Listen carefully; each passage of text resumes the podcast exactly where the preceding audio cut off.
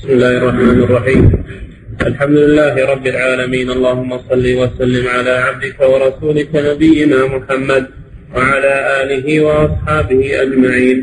قال الناظم رحمه الله تعالى والرب ليس يضيع ما يتحمل المتحملون لأجله من شان فتحمل العبد الوحيد رضاه مع قيض العدو وقلة الأعوان. مما يدل على يقين صادق ومحبة وحقيقة العرفان. نعم بسم الله الرحمن الرحيم. الحمد لله والصلاة والسلام على رسول الله. سبقت الأبيات من الناظم رحمه الله في بيان عربة الإسلام في آخر الزمان. كما أخبر عنه النبي صلى الله عليه وسلم. وأحوال الغرباء الذين يتمسكون بالإسلام مع فساد الناس في آخر الزمان ومع تسلط المنافقين تسلط الكفار والمنافقين على أهل التمسك بالسنة. وما لهم من الأجر عند الله سبحانه وتعالى. ويقول في هذه الأبيات إن تمسك هؤلاء بدينهم مع كثرة من يخالفهم دليل على صدق إيمانهم. تمسكهم بدينهم مع كثرة المخالفين. وصبرهم على أذى هؤلاء المخالفين هذا دليل على صدق إيمانهم ودليل على علمهم وفقههم في دين الله عز وجل. تصديقهم بما أخبر به النبي صلى الله عليه وسلم. فلذلك الله جل وعلا لا يضيع ما تحملوه وما صبروا عليه. لا يضيعه لهم بل إنه يحفظه لهم ويجازيهم عليه أعظم الجزاء يوم القيامة. نعم. يكفيه ذلا واغترابا قلة الأنصار بين عساكر الشيطان. في كل يوم فرقة في كل يوم فرقة تغزوه إن ترجع وفيه الفريق الثاني. نعم هذه وصفهم من بين الناس في آخر الزمان أنهم يكونون بين عساكر الشيطان وهم كثيرون.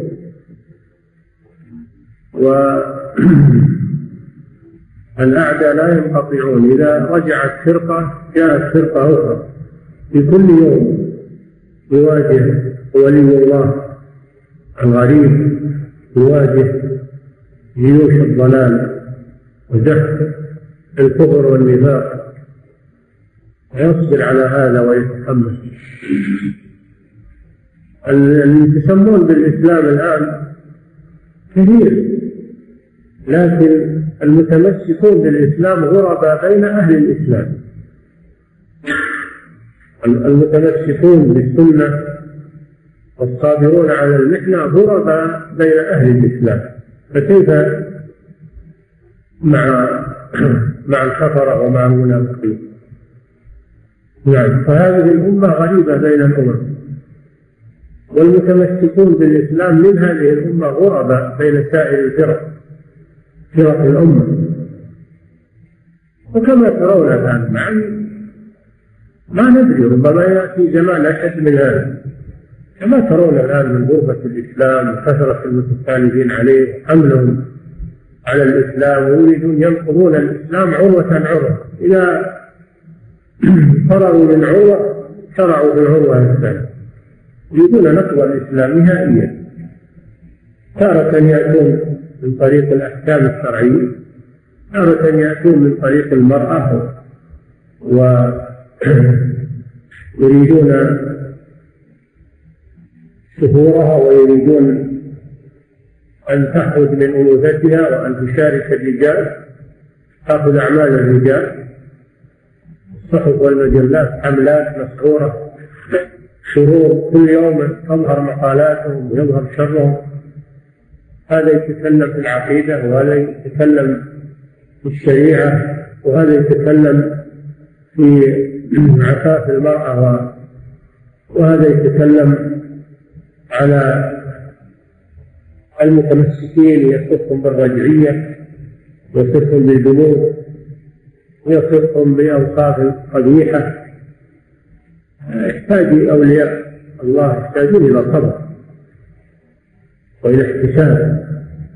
نعم وإلى مقارعة بهؤلاء هذا ظهر لنا الآن وما يأتي الله أعلم الله أعلم به. يكون أشد من هذا.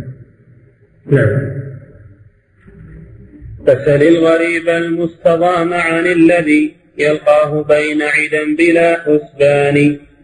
هذا وقد بعد المدى وتطاول العهد الذي هو موجب الإحسان. نعم. مع مع بعد مع بعد الصحابة والنبي صلى الله عليه وسلم ومع بعد السلف عنهم وفي عصور متأخرة. ومع هذا يصبر ويتمسك ويحتسب. هذا دليل على صدق إيمانه ولكن ما يصبر على هذا إلا القلة من الناس وما سئل عنه النبي صلى الله عليه وسلم من هم الغرباء؟ قال هم النزاع إلى القبائل. كثير من يخالفهم. النزاع من القبائل. أفراد من القبائل. قبيلة كلها مخالفة يصير منها واحد فقط متمسك بالسنة نعم. ولذاك كان كقابض جمرا فسل أحشاءه عن حر ذي النيران. تحمل مثل اللي يقبض على الجمر. يقبض على الدين مثل اللي يقبض على الجمر. يلقى من حر الفتنة وحر المحنة مثل ما يلقى الذي في يده جمرة نعم. والله أعلم بالذي في قلبه يكفيه علم الواحد المنان. الذي في قلبه من الإيمان واليقين والصبر والاحتساب لا يعلمه إلا الله ولولا ذلك ما صبر. نعم. في القلب أمر ليس يقدر قدره إلا الذي آتاه للإنسان. بر وتوحيد وصبر مع رضا والشكر والتحكيم للقرآن. نعم. هذه الأمور في في قلبه. صبر واحتساب وعلم ويقين. ولولا هذه الأمور ما ما تحمل هذا التحمل. لو أن الإيمان ضعيف أو علمه قليل ما يتحمل هذا الأمر. نعم. سبحان قاسم فضله بين العباد فذاك مول الفضل والإحسان. فالفضل عند الله ليس بصورة الأعمال بل بحقائق الإيمان. نعم الفضل ليس بصورة الأعمال الفضل بما يقوم بالقلوب من اليقين والثبات. ولهذا يقول بعض السلف ما سبقهم أبو بكر ما سبقهم بصلاة ولا بكذا وكذا وإنما هو شيء وقر في قلبه. شيء وقر في قلبه. الإيمان الثابت الراسخ الذي لا يتزعزع ولذلك صبر مع الرسول صلى الله عليه وسلم من بداية بعثته إلى أن توفي عليه الصلاة والسلام وهو صابر. صابر معه مجاهد ملازم له. وصبر عند وفاة الرسول صلى الله عليه وسلم. صبر الجبال ثبات الجبال. ما تزعزع وصبر عند حروب أهل الردة. الذين ارتدوا عن الإسلام. ما تزعزع ولا ولا بدا منه أي استسلام. ولما قالوا له لا ترسل جيش أسامة الذي عقده الرسول صلى الله عليه وسلم؟ دعوا يحمي المدينة ويحمي المسلمين الناس تكالوا على المسلمين. قال لا والله لا. أرد راية عقدها رسول الله صلى الله عليه وسلم. فأنفذ الجيش أوسانا وأرسله إلى الجهة التي أرسله الرسول صلى الله عليه وسلم إليه. وكان ذلك خيرا للمسلمين. ما مر هذا الجيش بقبيلة ولا علمت به دولة إلا أخذهم الرعب وقالوا لولا إن المسلمين فيهم قوة ما أرسلوا هذا الجيش. حصل فيه من المصالح. العظيمه ورجع الجيش سالما غالبا. ما حصل قتال ولا حصل شيء. لأن العدو لما بلغهم أصابهم الرعب فانفلت جموعهم. بمجرد ما سمعوا أن الجيش قدم اليهم انفلت عزائمهم وقالوا ما ما ارسلوا الجيش إلا في هذه الحالة إلا وعندهم قوة. هذا أبو بكر الصديق. ما الذي ما الذي في, قلبه؟ قلبه الإيمان الراسخ الذي لا يتزايد المدار على القلوب وليس على صور الأعمال الظاهرة. وإن كانت الأعمال الظاهرة تدل على ما في القلوب لكن العبرة بما في القلوب. ولكنه شيء وقر في قلبه. نعم. وتفاضل الأعمال يتبع ما يقوم بقلب صاحبها من البرهان. يعني لا تذهب في الأعمال كنا نقول ما هي العبرة في سورة الأعمال لكن لا تذهب في الأعمال الأعمال تدل على ما في القلوب. نعم. حتى يكون العاملان كلاهما في رتبة تبدو لنا بعيان. هذا وبينهما كما بين السماء والأرض في فضل وفي رجحان. نعم. مثلا يعمل عاملان سواء عمل واحد عاملان يعملان عملا واحدا. لكن يتفاضلان في الأجر والثواب. صورة العمل واحد ولكن يتفاضلان في الأجر بسبب ما في القلب من الإيمان فهذا أجره بينهما من الفرق مثل ما بين السماء والأرض. هذا أجر عظيم وهذا أجرها قليل لأن هذا إيمانه كثير وهذا إيمانه قليل. ودار على الإيمان. سورة العمل واحد قد يصليان واحد إلى جنب الآخر. هذا تصعد صلاته إلى السماء ولها نور. تكتب كاملة هذا هذا قد يخرج من الصلاة بدون شيء أو بأجر قليل أو بنصف الأجر أو بتفاوت ما في القلوب من الخوف والخشية من الله عز وجل حضور القلب. الصلاة واحدة. أي يصلون جميع لكن هم واحد في الأجر والثواب بحسب ما في القلوب نعم. ويكون بين ثواب ذا وثواب ذا. وتفاضل الأعمال يتبع ما يقوم بقلب صاحبها من البرهان حتى يكون العاملان كلاهما في رتبة تبدو لنا بعيان. يعني يظهر لنا من سواء. نعم. هذا وبينهما كما بين السماء والأرض في فضل وفي رجحان. ويكون بين ثواب ذا وثواب ذا رتب مضاعفة بلا حسبان. هذا عطاء الرب جل جلاله وبذاك تعرف حكمة الديان. الله يعطي كلا على حسب الإيمان. هم يعطي على صورة العمل؟ يعطيه على حسب الإيمان الذي في قلبه. والخوف والخشية في قلبه وفي الحديث إن الله لا ينظر إلى صوركم وأعمالكم. آه، ان ان الله لا ينظر إلى صوركم وأموالكم. وإنما ينظر إلى قلوبكم وأعمالكم. نعم.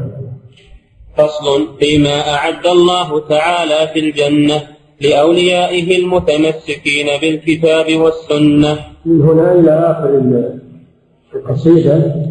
كله في وصف الجنة وما فيها يرغب التمسك بالسنة والثبات عليها وترك ما عليه المخالفون. وعدم الاغترار بكثرة الناس وكثرة المخالفين. نعم. يا خاطب الحور الحسان وطالبا لوصالهن بجنة الحيوان. حيوان يعني الحياة. وإن الدار الآخرة لهي الحيوان يعني الحياة الكاملة. حيوان معناه الحياة الكاملة. أما الدنيا فحياتها ناقصة. تليها الموت تليها الأمراض والأسقام والمخدرات. هي حياة ناقصة ومنغصة بخلاف الآخرة فإنها حياة كاملة. نعم. ولذلك صارت الحيوان. نعم. لو كنت تدري من خطبت ومن طلبت فبذلت ما تحوي من الأثمان. لو كنت تدري ما هي الجنة وما فيها التي أنت تسعى لها وتطلبها لبذلت ما تحوي من الأثمان في طلبها. بذلت عمرك وبذلت وقتك وبذلت أموالك وبذلت كل ما عندك وهو قليل بالنسبة للجنة. كل ما تبذله فإنه قليل بالنسبة إلى الجنة نعم. أو كنت تدري أين مسكنها جعل فالسعي منك لها على الأجفان. لو لم تقدر أن تسعى على أقدامك سعيت على عيون وعلى رأسك من الحرس نعم. ولقد وصفت طريق مسكنها فإن قمت الوصال فلا تكن بالوان. يعني سيصف لك هذا في بقية هذه القصيدة. نعم. أسرع وحث السير جهد فإنما مسرك هذا ساعة لزمان. نعم الدنيا كلها قليلة. والحياة الدنيا في الآخرة إلى قليل.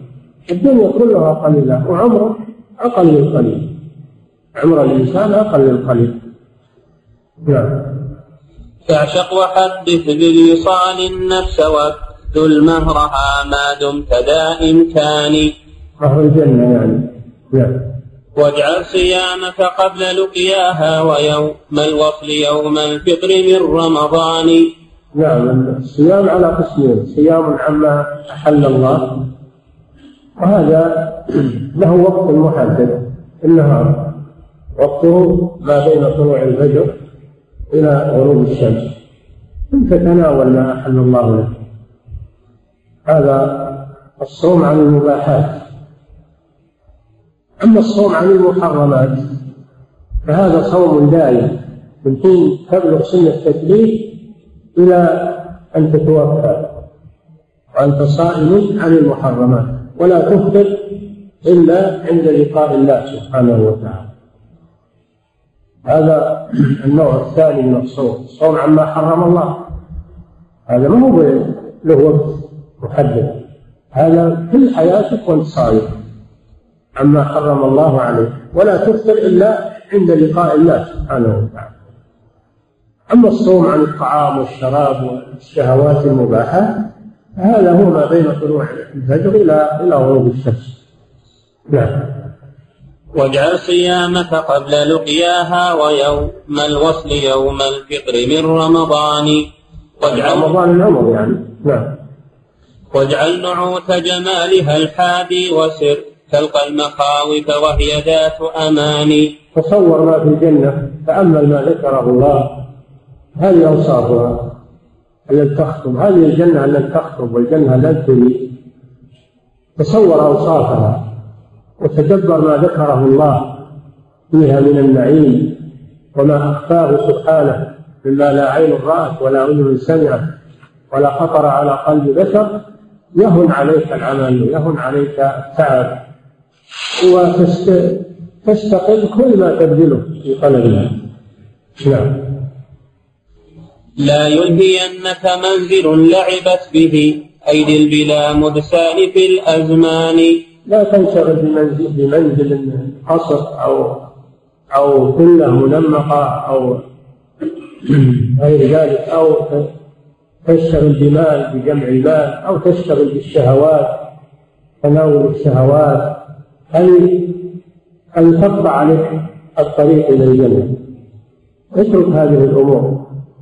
واشتغل بطلب الجنة. وخذ من الدنيا قدر ما خذ من الدنيا قدر ما يبلغك إلى الجنة. الإنسان ما يترك الدنيا نهائيا. لكن يأخذ مما أباح الله قدر ما يبلغه إلى إلى الجنة النبي صلى الله عليه وسلم يقول بحسب ابن آدم لقيمات يقيمن صلبه فإن كان لابد ثلث لطعامه وثلث لشرابه وثلث لنفسه. لا تبالغ في الأكل والسنة وتفرط الشهوات وتعمر المباني التي ما تسكنها إن سكنت قليل. وإن سكنت أنت ملخص فيها أمراض وهموم وأسقام.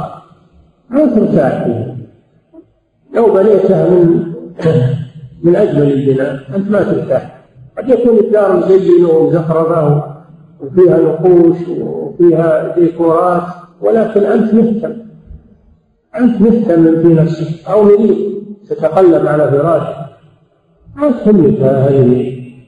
التنميقات وهذه النقوش وهذه الديكورات هذا ما تهمك إذا كنت تريد النجاة وتريد السعادة عليك بالدار الآخرة. اعمل لها. نعم.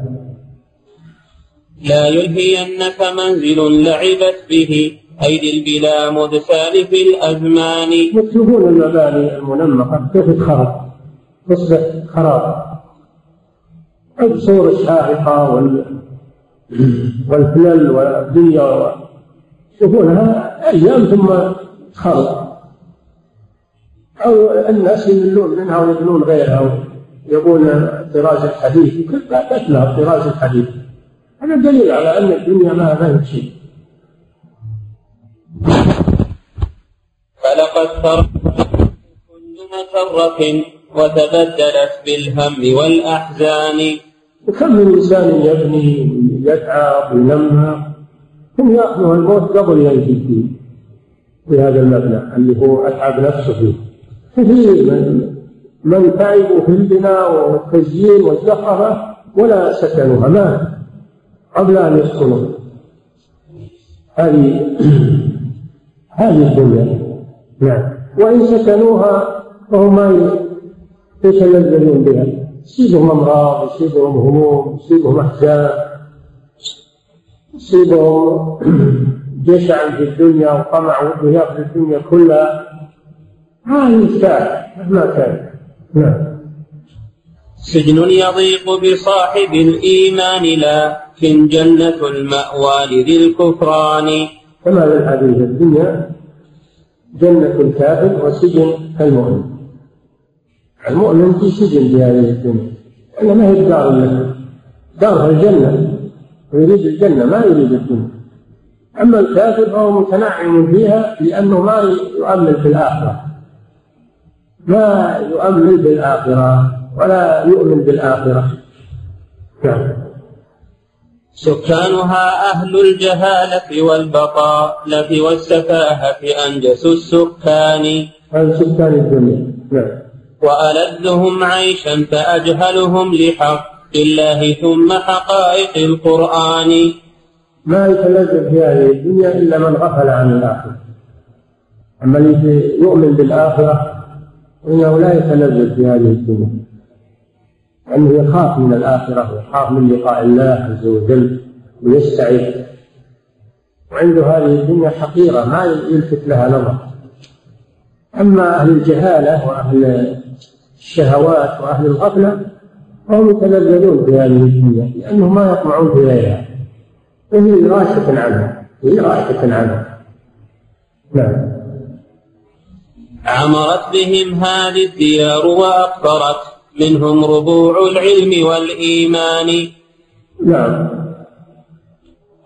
عمرت بيوتهم ومظاهرهم لكن قلوبهم خراب من من الهدى والإيمان. نعم.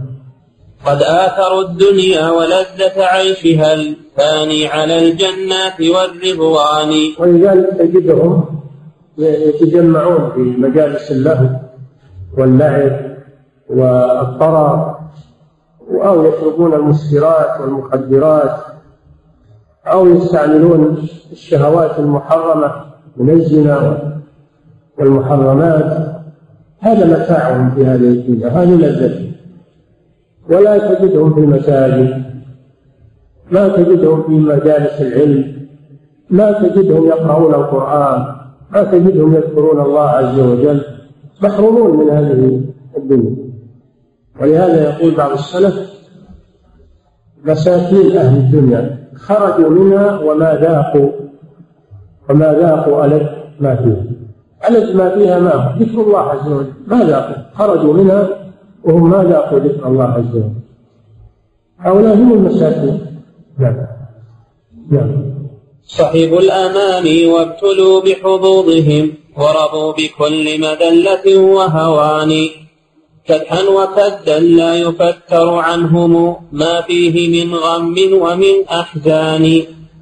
وبعضهم مشغول بالكد والكدح جمع المال أو أو الحرفة أكثر مما يحتاج. ولا كون الإنسان يكتسب قدر حاجته لا بأس.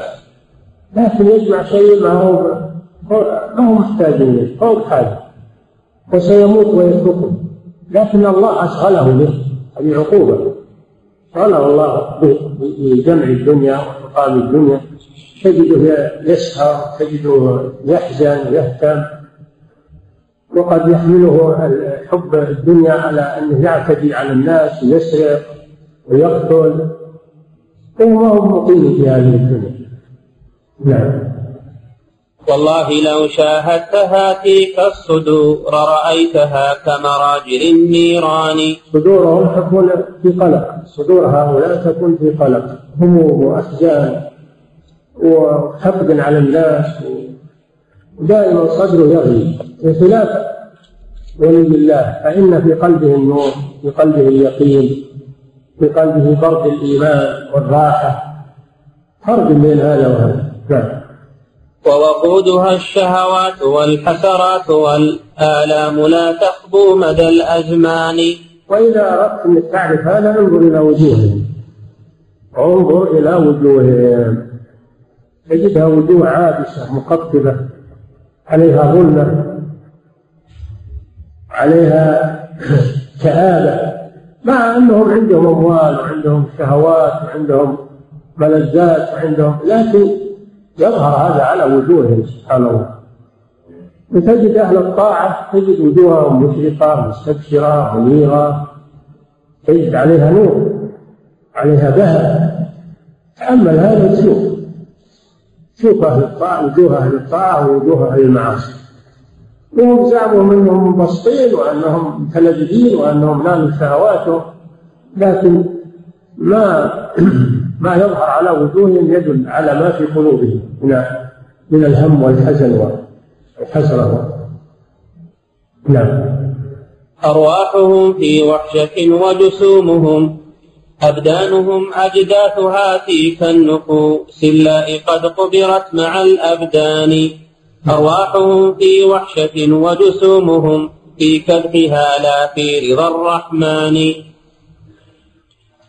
هربوا من الرق الذي خلقوا له فبلوا برق النفس والشيطان. هذا البيت حكمة حكمة عظيمة. هربوا من الرق الذي خلقوا له وهو عبادة الله سبحانه وتعالى. فبلوا برق النفس والشيطان. صاروا عبيد لأنفسهم وعبيدا للشيطان. يتبعون أوامر النفس وأوامر الشيطان. ويتجنبون ما تنهاهم عنه أنفسهم وما ينهاهم عنه الشيطان. فصاروا عبيدا للنفس والشيطان. لأن الإنسان عبد ولا بد. الإنسان عبد ولا بد.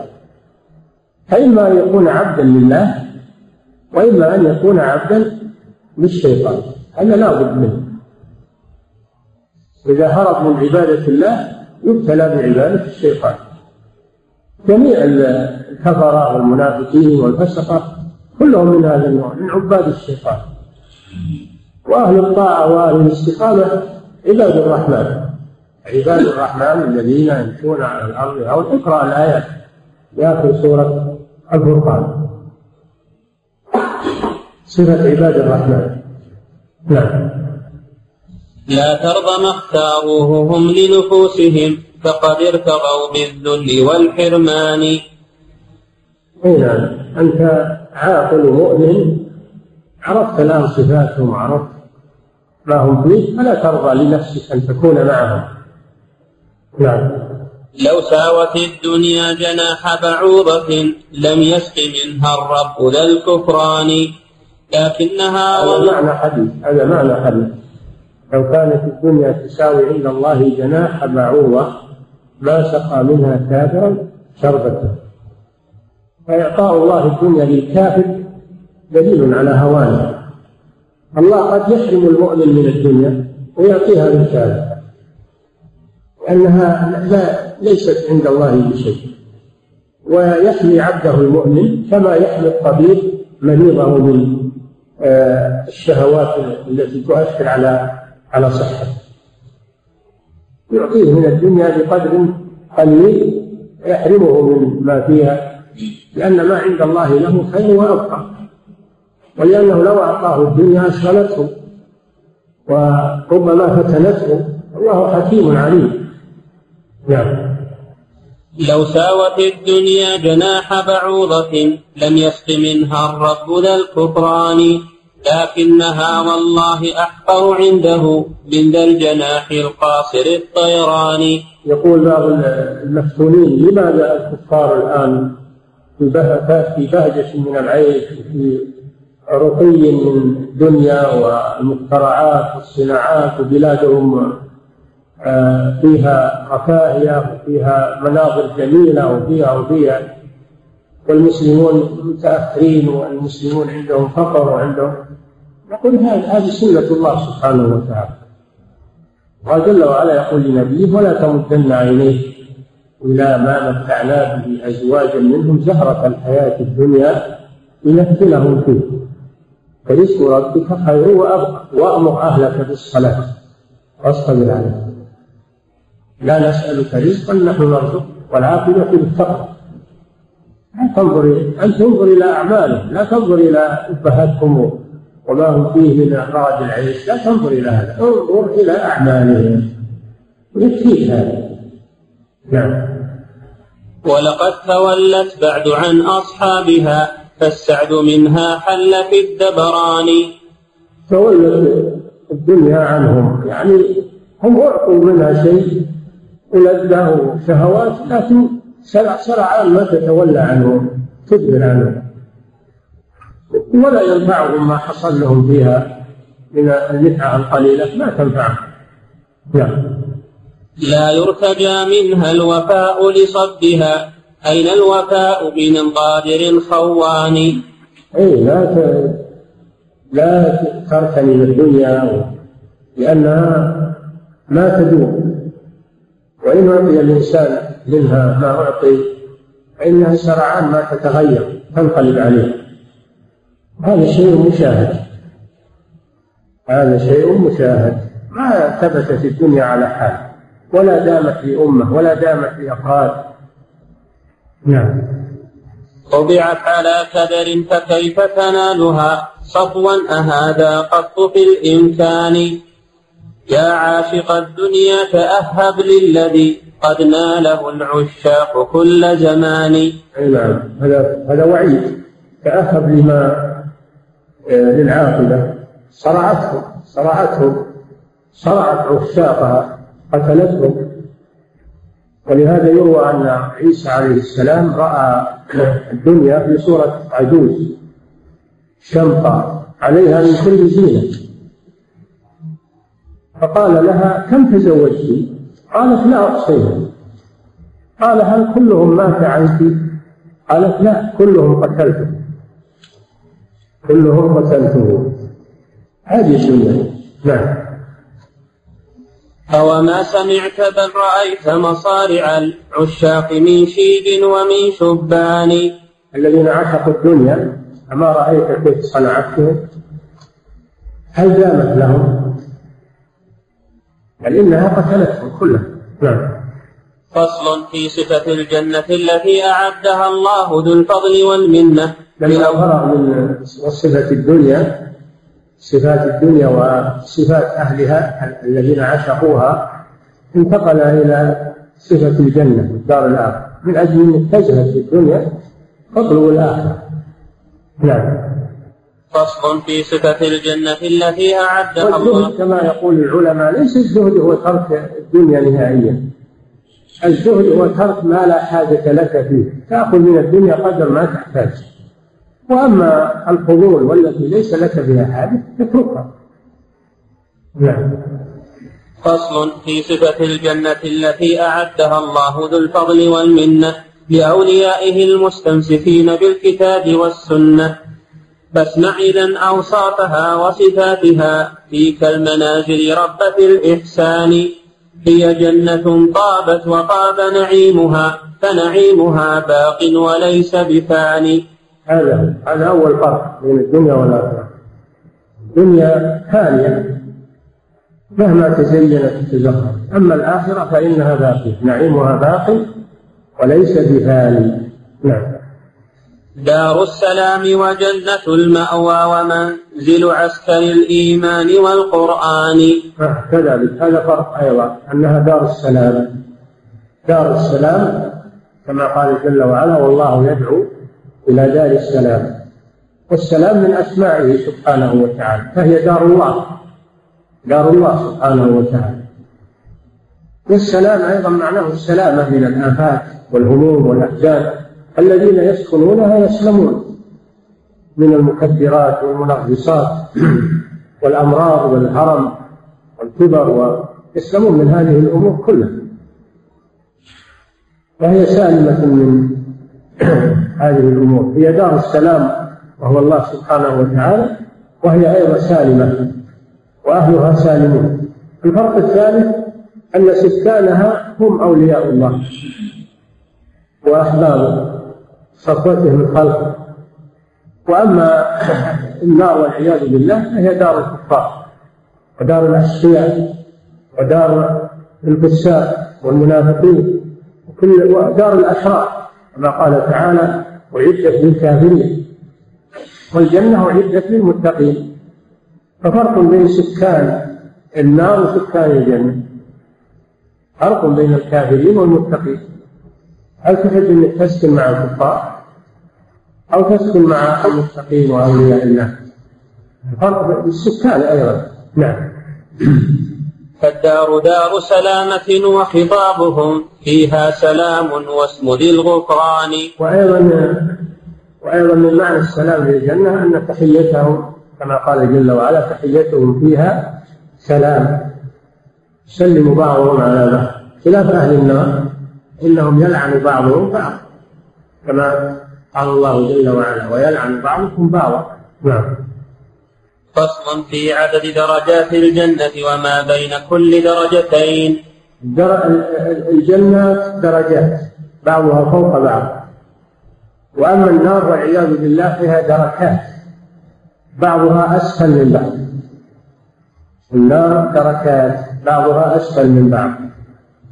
كل طبقة أسفل من التي فوقها إلى ستين والعياذ بالله. وأما الجنة فإنها درجات بعضها فوق بعض وما بين درجتين كما بين السماء والأرض. وسقفها عرش الرحمن سقف الجنات عرش الرحمن سبحانه وتعالى. نعم. درجاتها مئة وما بين اثنتين فذاك في التحقيق للحسبان. مثل الذي بين السماء وبينها بالأرض قول الصادق البرهان. كما في الحديث إن في الجنة مئة درجة ما بين كل درجتين كما بين السماء والأرض. أعدها الله للمجاهدين في سبيله. نعم. لكن عاليها هو الفردوس مستوف بعرش الخالق الرحمن. مسقوف لكن أعلاها الفردوس أعلى الجنة الفردوس وفوق الفردوس عرش الرحمة. نعم.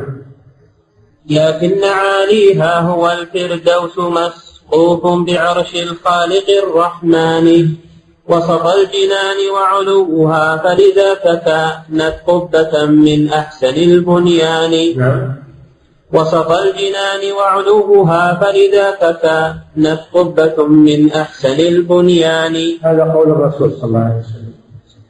إذا سألتم الله فاسألوه الفردوس. فإنه وسط الجنة وأعلى الجنة وسقفه. في رواية فوقه عرش الرحمن. نعم. منه منه تفجر سائر الأنهار فالمنبوع من الفردوس تفجر أنهار الجنة. نعم. منه تفجر سائر الأنهار فالمنبوع منه نازل بجنان. فصل في أبواب الجنة. أبوابها حق ثمانية أتت بالنص وهي لصاحب الإحسان. آه، النار ذكر الله أبوابها في القرآن.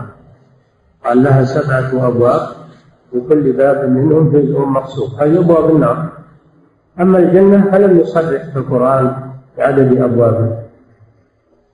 ولكن جاء إشارة في قوله تعالى فإذا جاءوها وفتحت أبوابها. وفتحت أبوابها. قال والواو بالحساب بثمانية.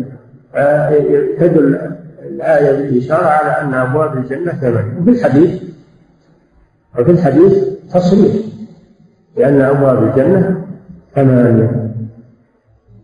لأن المسلم إذا توضأ وأسبغ الوضوء ثم رفع بصره إلى السماء قال أشهد أن لا إله إلا الله وحده لا شريك له أشهد أن محمدا عبده ورسوله. اللهم اجعلني من التوابين واجعلني من المتطهرين. فتحت له أبواب الجنة الثمانية. يدخل من أيها شاء صرح صلى الله عليه وسلم بأن أبواب الجنة ثمانية. وكل باب بعمل من الأعمال. الصائمون لهم باب والمجاهدون لهم باب. كل باب لنوع من من الأعمال. يدخل منه أصحاب ذلك العمل. وقد يكون الإنسان يدخل من جميع الأبواب بحسب أعماله مثل ما ذكر لما قال لما ذكر النبي صلى الله عليه وسلم أبواب الجنة قال أبو بكر الصديق يا رسول الله ليس على المؤمن غضاضة أن يدخل من أيها شيء هل هل يدعى من جميعها؟ قال نعم وأرجو أن تكون منه. فأبو بكر رضي الله عنه يدعى من جميع أبواب الجنة بكثرة أعماله الصالحة. نعم. أبوابها حق ثمانية أتت. في النص وهي لصاحب الإحسان. باب الجهاد وذاك أعلاها وباب الصوم يدعى الباب بالريان. ولكل سعي صالح باب ورب السعي منه داخل بأمان. ولسوف يدعى المرء من أبوابها جمعا إذا وفى حلى الإيمان. منهم أبو بكر هو الصديق ذا. منهم أبو بكر هو الصديق ذا كخليفة المبعوث بالقرآن. نعم وهذا في الحديث الصحيح أنه يدعى من جميع أبواب الجنة رضي الله عنه. نعم. فصل في مقدار ما بين الباب والباب منها. سبعون عاما بين كل اثنين منها قدرت بالعدل والحسبان. هذا حديث لقيط المعروف بالخبر الطويل وذا عظيم الشان. وعليه كل جلالة ومهابة ولكم حواه بعد من عرفان. نعم. فصل في مقدار ما بين مصراعي الباب الواحد منها. يعني بين البابين سبعون سنة مسيرة سبعون سنة. والباب الواحد من مصراعين وبين كل مصراعين أربعون سنة. كما في الحديث. نعم. لكن بينهما مسيرة أربعين رواه حبر الأمة الشيباني. رواه الإمام أحمد رحمه الله. نعم. في مسند بالرفع وهو لمسلم وقف كمرفوع بوجه ثاني. ولقد روي تقديره بثلاثة الأيام لكن عند ذي العرفان. عن البخاري الرضا هو منكر وحديث راويه فذو نكران ثلاثة أيام يعني الرواية ما هي صحيحة. صحيح أربعون سنة. صحيح أربعون صحيح أنه أربعون سنة. بن رضوان رضي الله عنه يقول فلقد بلغنا أن أن ما بين المصراعين مسيرة أربعين سنة وليأتين عليه يوم وهو كظيم من الذهب نعم. فصل في مفتاح باب الجنة. دعوى لا إله إلا الله. نعم. هذا وفتح الباب ليس بممكن إلا بمفتاح على أسنان. نعم. مفتاحه بشهادة الإخلاص والتوحيد تلك شهادة الإيمان. مفتاح الجنة لا إله إلا الله. ولكن ما هو المقصود لفظها؟ المقصود معناها والعمل بها. ولهذا لما سئل وهب بن منبه رحمه الله أليس مفتاح الجنة لا إله إلا الله؟ قال نعم ولكن ما من مفتاح إلا وله أسنان. فإن جئت بمفتاح له أسنان فتح له وإلا لم يفتح. مفتاح الجنة لا إله إلا الله لكن أسنانه الأعمال. أسنانه الأعمال. الصلاة والزكاة والصيام والحج سائر الأعمال. هذه أسنان مفتاح الجنة. ولا يكفي مفتاح بدون أسنان ما يفتح. إن جاء بلا إله إلا الله فقط بلفظها فقط لم لم تفتح له. لأنه ليس المقصود من هذه الكلمة مجرد النطق بلفظها بدون إيمان بمعناها وعمل به. نعم. مفتاحه بشهادة الإخلاص والتوحيد تلك شهادة الإيمان. أسنانه الأعمال وهي شرائع الإسلام والمفتاح بالأسنان. المفتاح بالأسنان. أما إذا كان ما فيه أسنان ما صار مفتاح. ولا ينفع صاحبه. نعم. لا تلغين هذا المثال فكم به من حل إشكال لذي العرفان. اي نعم لأن بعض الناس يأخذ الحديث على ظاهره يقول افتح الجنة لا إله إلا الله من قال لا إله إلا الله؟ يدخل الجنة ولو ما عمل شيء نافع. له لا يصلي ولا يصوم ولا يحج ولا يعمل أي شيء يدخل الجنة. يأخذ الحديث على ظاهره. الحديث مقيد هو مطلق مقيد بأحاديث أخرى.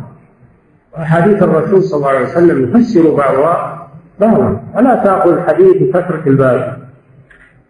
كلام الله جل وعلا يفسر بعضه بعضا كلام الرسول صلى الله عليه وسلم يفسر بعضه بعضا لا تأخذ بعضه تترك البعض الآخر. الرسول قيد لا إله إلا الله بقيود من قالها مخلصا من قلبه من قالها من قال لا إله إلا الله وكفر بما يعبد من دون الله.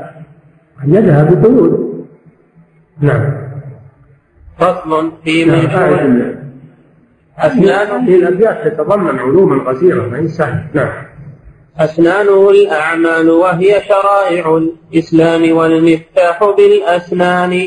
أما المفتاح بدون أسنان فلا مثل لفظ لا إله إلا الله بدون أعمال ما ينفع. نعم.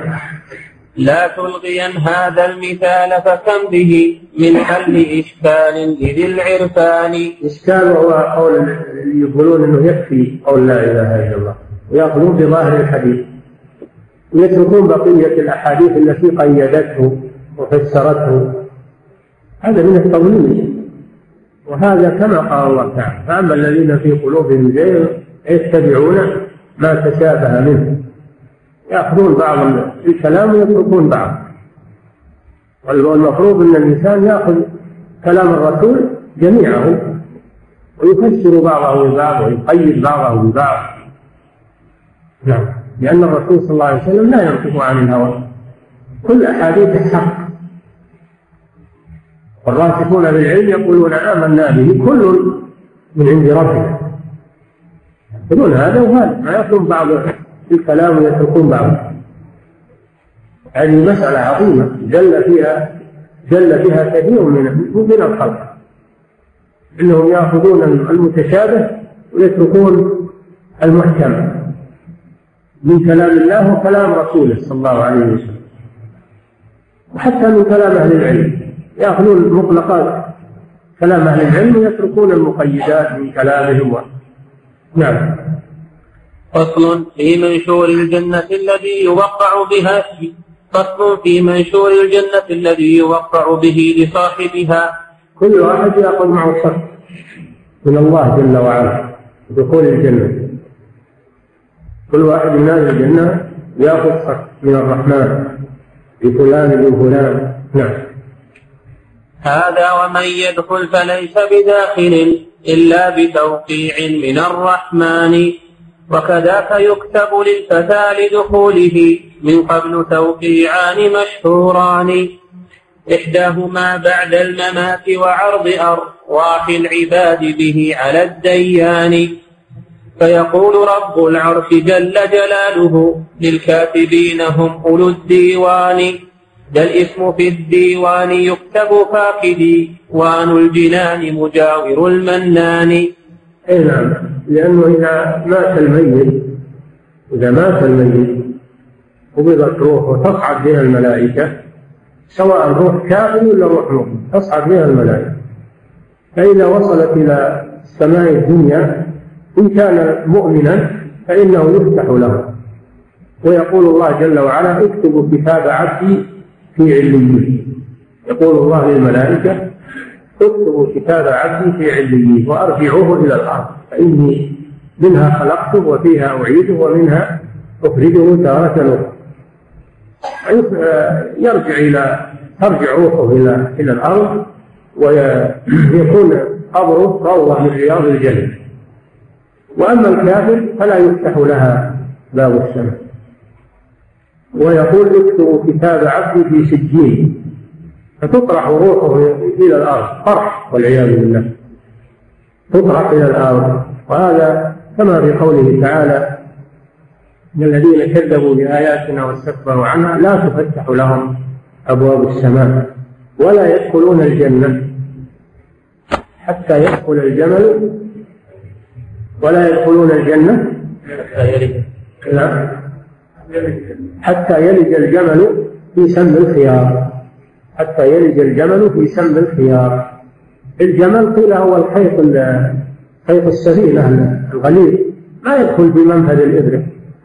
ما يدخل في منفذ الإبرة أبدا هذا مستحيل.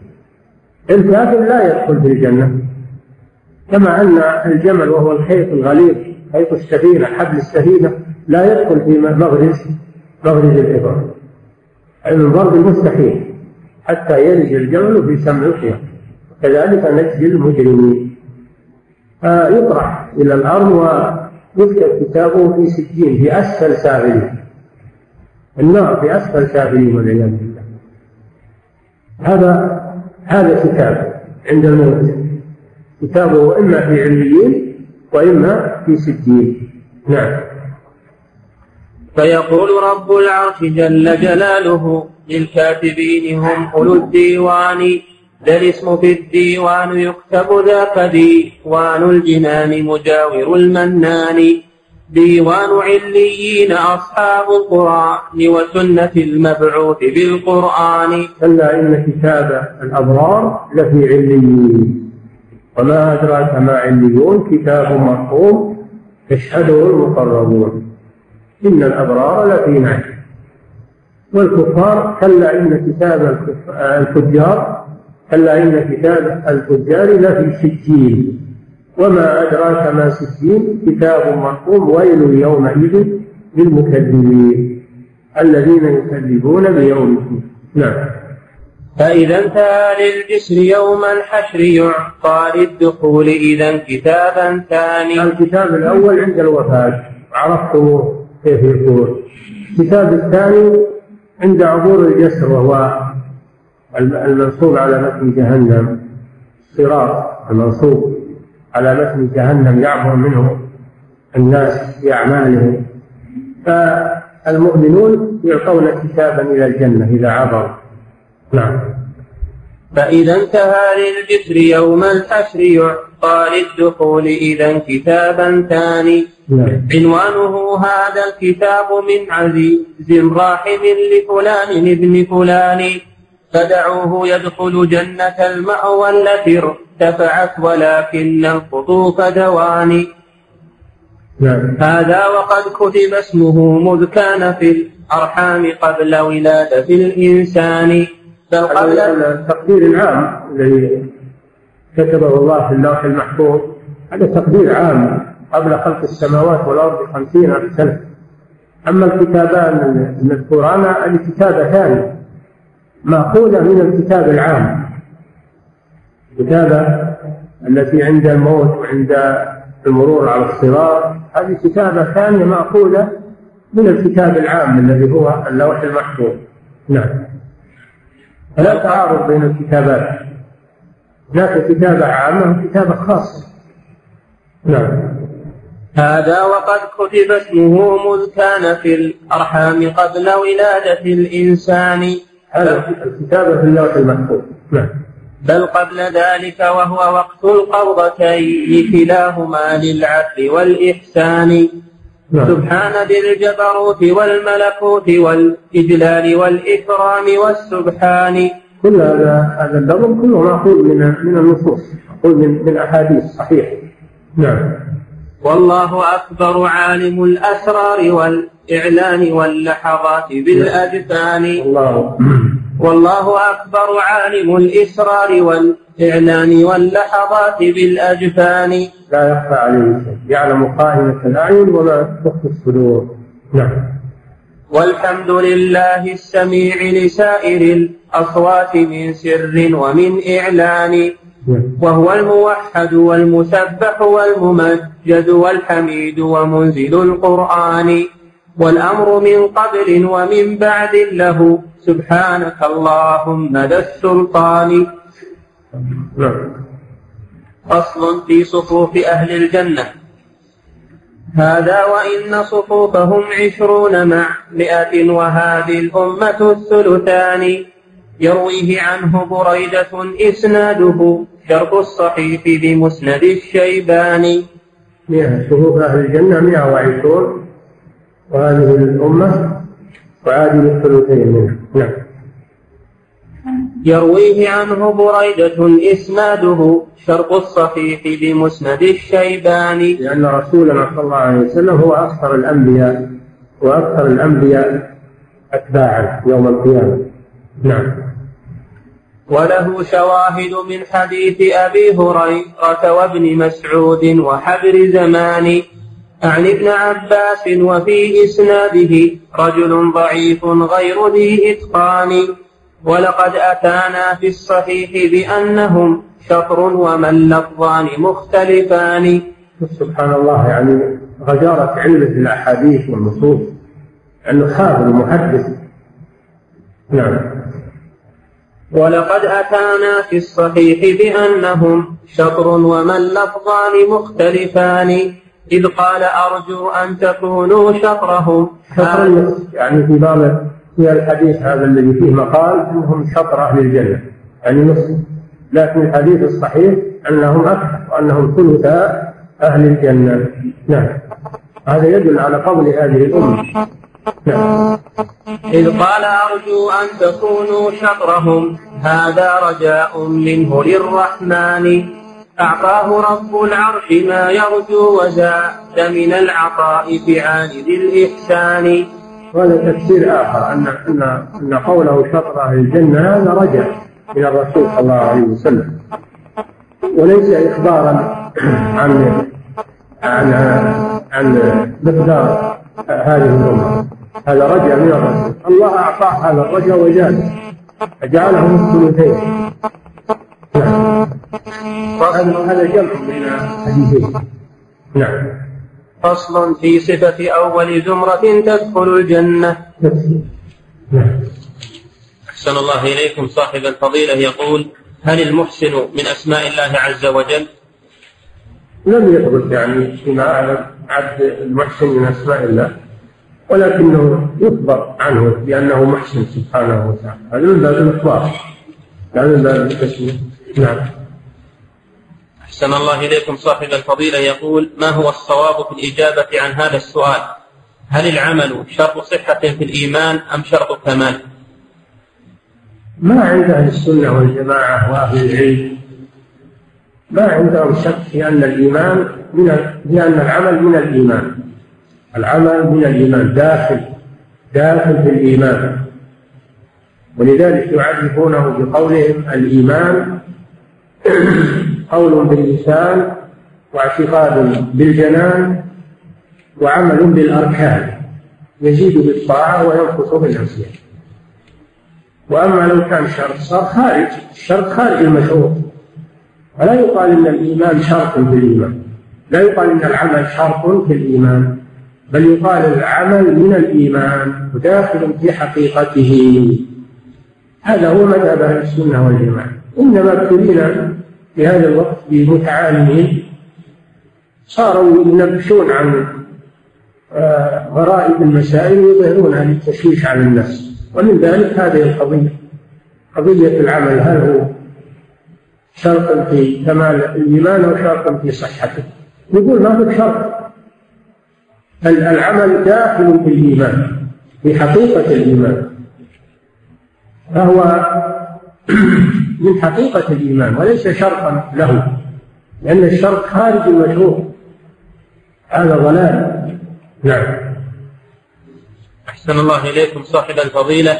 يقول متى يكون الحاكم بغير ما أنزل الله كافرا كفرا أكبر؟ ومتى يكون كافرا كفرا أصغر؟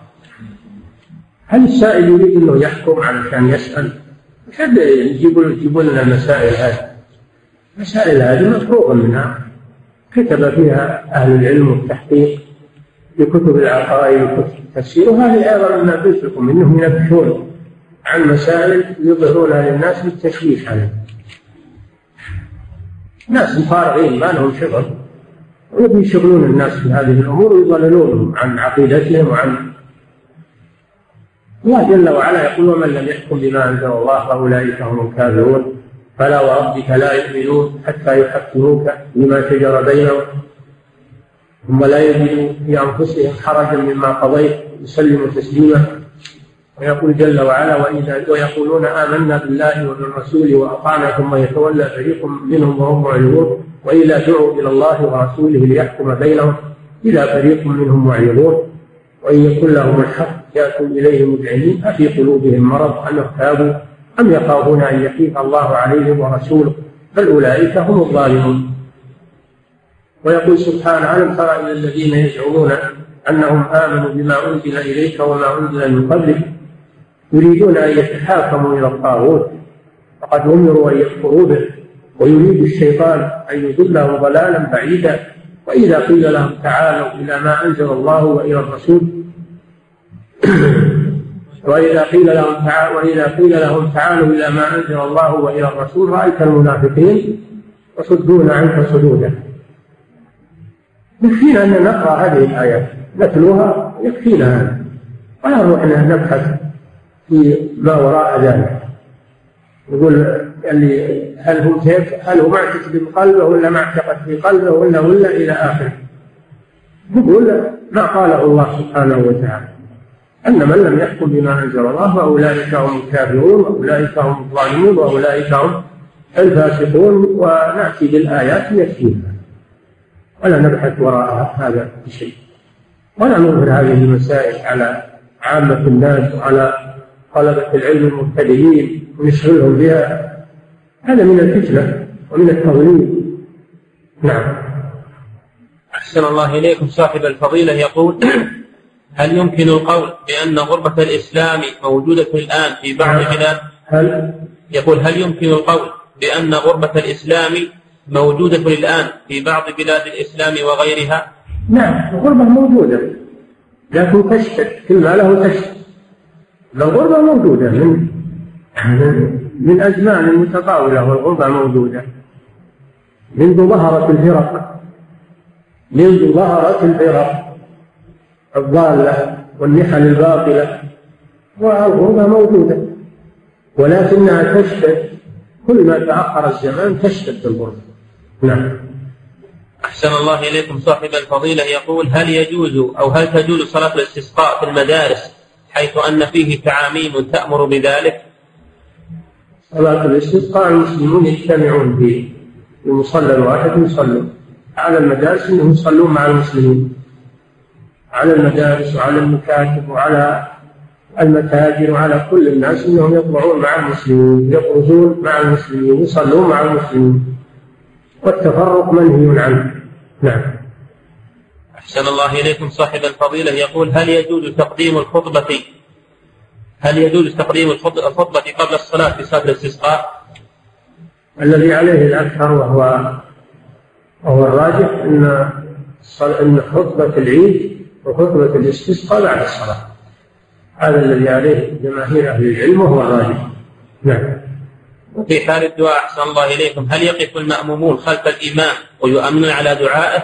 أم يؤمنون وهم جلوس؟ أم كل يدعو بنفسه؟ إذا دعا الإمام يؤمنون. إذا دعا في أثناء الخطبة يؤمنون وهم جلوس. وإذا أدار ظهره وقلب رداءه واستقبل القبلة يقومون ويديرون أرضيتهم ويدعون مستقبل القبلة وهم قيام كفعل الإمام تماما نعم. أحسن الله إليكم صاحب الفضيلة. يقول هل ورد حديثا في سقف النار مما هو؟ الله أعلم. إنها عليهم مؤصدة في عمد ممددة الله أعلم. سجين هي أسفل سافل نعم. أحسن الله إليكم صاحب الفضيلة. يقول هل قول بعض العلماء إن أسنان مفتاح لا إله إلا الله هي شروطها؟ هل هذا القول صحيح؟ نعم. يقول أحسن الله إليكم. هل قول بعض العلماء إن أسنان مفتاح لا إله إلا الله هي شروطها؟ هل هذا القول صحيح؟ لا ما هو هي شروط لا شروط لا إله إلا الله السبعة أو الثمانية معروفة. أما الأعمال هي مقتضاها. الأعمال مقتضاها وليست شروط. مقتضى لا إله إلا الله. نعم. أحسن الله إليكم صاحب الفضيلة. يقول جاء في الحديث أنه يقال لصاحب القرآن إذا دخل الجنة اقرأ واصعد فإن منزلك عند آخر آية تقرأها. هل هذا خاص بحافظ القرآن أم أنه للمكثر من تلاوته وإن لم يحفظ؟ هذا ما أدري عن عن ثبوت هذا. هو على ألسنة الوعاظ وعلى ألسنة بعض المؤلفين وأنا ما أدري عن ثبوته لكن الذي ورد عن الرسول صلى الله عليه وسلم وهو صحيح قوله صلى الله عليه وسلم الماهر بالقرآن مع السفرة الكرام البررة والذي يقرأ القرآن وهو عليه شاق ويتتعتع فيه وهو عليه شاق له أجران. هذا ثابت عن الرسول صلى الله عليه وسلم. وفي الحديث أيضا الصحيح أن النبي صلى الله عليه وسلم قال من قرأ حرفا من كتاب الله فله حسنة والحسنة بعشر أمثالها. لا أقول ألف لام ميم حرف ولكن ألف حرف ولام حرف وميم حرف. نعم. أحسن الله إليكم صاحب الفضيلة. يقول هل يعد الاحتفاظ بالنجر والرحى والمنخل وغيرها مما كان يستخدمه الآباء من أجل إعلام الأطفال بنعمة الله عليهم حيث كان آباؤهم في كد وتعب هل يعد هذا من مسائل الجاهلية؟ أرجو التوضيح حفظكم الله. يعني ما تضر. مسألة الحاء و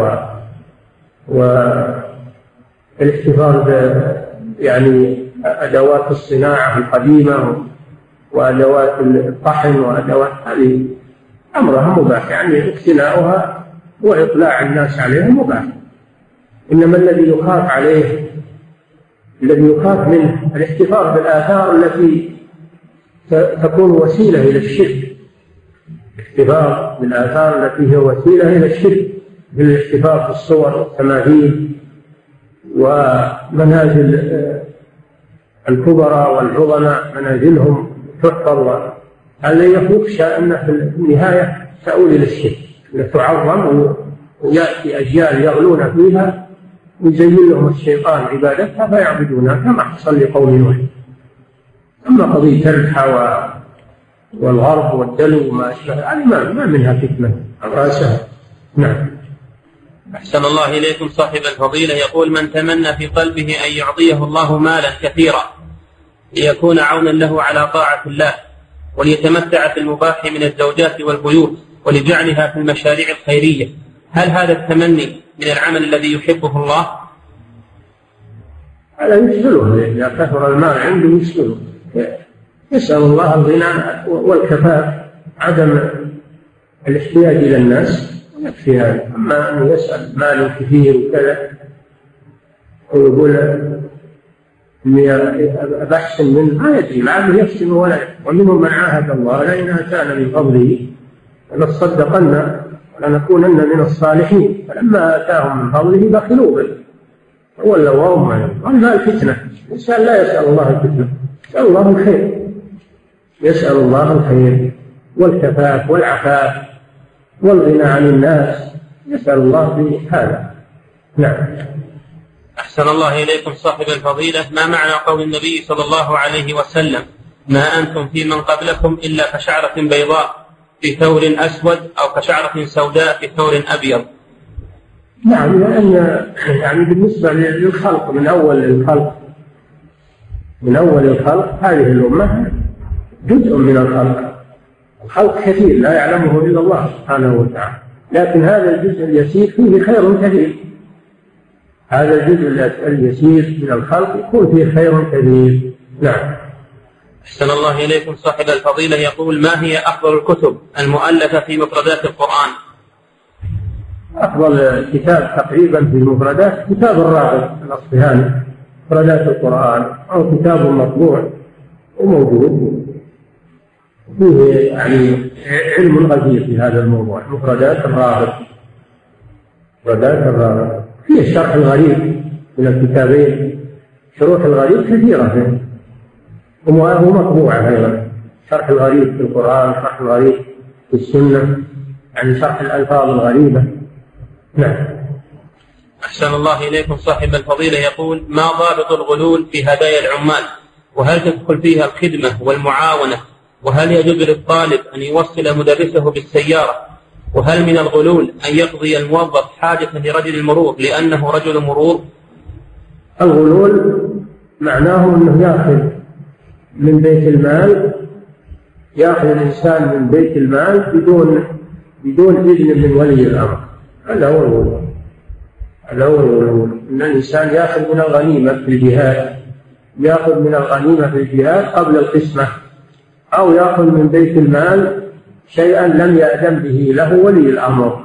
هذا يعتبر غلولا وأما ما يعطى للموظفين الذين يقومون بأعمال الناس وينجزون المعاملات هذا ما يسمى غلول هذا يسمى رشوة. هذا يسمى بالرشوة. نعم. أحسن الله إليكم صاحب الفضيلة. يقول هل للمرأة كشف كفيها في الصلاة أم أن ذلك محرم؟ بالخلاف والراجح أنه إنه محرم وانها تستر كفيها هذا هو الراجح تستر كفيها. نعم. أحسن الله إليكم صاحب الفضيلة. يقول إذا سمع المسلم بفضل الذكر فخصص عددا معينا كل يوم مثل أن يقول سبحان الله وبحمده مئة مرة أو يقول لا حول ولا قوة إلا بالله مئة مرة. أو سبحان الله مئة مرة. هل في هذا التخصيص لعدد معين حرج؟ نعم تخصيصا بدون دليل تخصيص بدون دليل هذا يعتبر بدعة يحتاج إلى دليل. أما أن الإنسان يكثر من ذكر الله يكثر من التسبيح والتهليل هذا أمر مطلوب لكن بدون تحديد بعدد إلا بدليل. إلا بدليل يدل على التحديد. أما أنه يحدد شيء بدون دليل هذا لا ما يجوز نعم. أحسن الله إليكم صاحب الفضيلة. يقول إذا ذهب رجل للجهاد بدون إذن والديه ثم استشهد هل يكون آثما؟ وإذا رضي عنه والده بعد ذلك فهل يسقط الإثم عنه؟ الله أعلم. هذا عند الله سبحانه وتعالى ولكن لا يجوز له أنه يذهب للجهاد إلا بإذن والديه.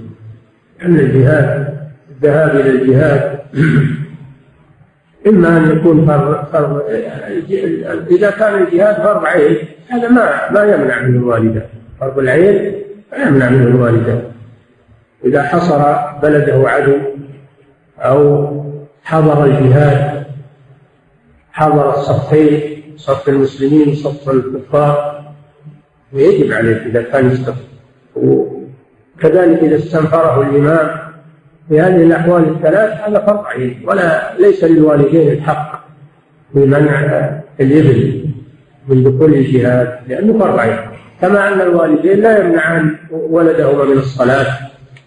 الصلاة فرض عين ولا من أداء الزكاة ولا فروض فروض الأعيان لا يجوز للوالدين التدخل ولا منع الولد. أما ما عدا الأحوال الثلاث فالجهاد فرض كفاية. إذا قام به من يكفي صار في حق الباقين سنة و وبر الوالدين فرض عين. فلا يقدم السنة على فرض العين لابد أنه يأذن له الوالدان. والنبي صلى الله عليه وسلم لما جاءه رجل يريد الغزو قال أحي والداك قال نعم. قال ففيهما فجاهد. نعم. أحسن الله إليكم صاحب الفضيلة. يقول ما حكم جلوس المرأة الحائض في المسجد؟ حيث إن هناك من يقول إن هذا خاص بالمسجد الحرام دون غيره من المساجد. شو الدليل على أنه خاص بالمسجد الحرام؟ النبي صلى الله عليه وسلم يقول لا أحل المسجد بحائض ولا جنوب الله جل وعلا يقول يا أيها الذين آمنوا لا تقربوا الصلاة وأنتم سكارى حتى تعلموا ما تقولون. ولا جنبا إلا عابر سبيل حتى تغتسلوا. يعني المسجد لا يجوز للجنوب ولا للحائض إنه تلبس في المسجد. واللي يقول إن هذا خاص بالمسجد الحرام يجيب دليل على هذا. نعم. أحسن الله إليكم. أقول لكم كثرت الغرائب في هذا الزمان ظهر ناس يطلعون على الناس في مسائل وشواذ يريدون التشويش على الناس. نعم. ويريدون مخالفة ما عليه العلماء. يعني اللي يخالف ما عليه العلماء يشرونه الشعب يحرصون عليه. هذا من الفتنة. إذا ظهر هذا في الناس هذا علامة فتنة علامة شر. نعم. أحسن الله إليكم. صاحب الفضيلة يقول امرأة نذرت صوم شهر غير متتابع وقالت إني تعبت من الصوم. هل لها الإفطار والتكبير أم لا بد عليها من الصوم؟ لا بد من الصوم. وإذا كانت نذرت غير متتابع تصوم حتى تكمل ولو غير متتابع. نعم. لا بد من الصوم. من نذر أن يطيع الله فليطيع. نعم. الله تعالى أعلم. وصلى الله وسلم على نبينا محمد على آله وصحبه.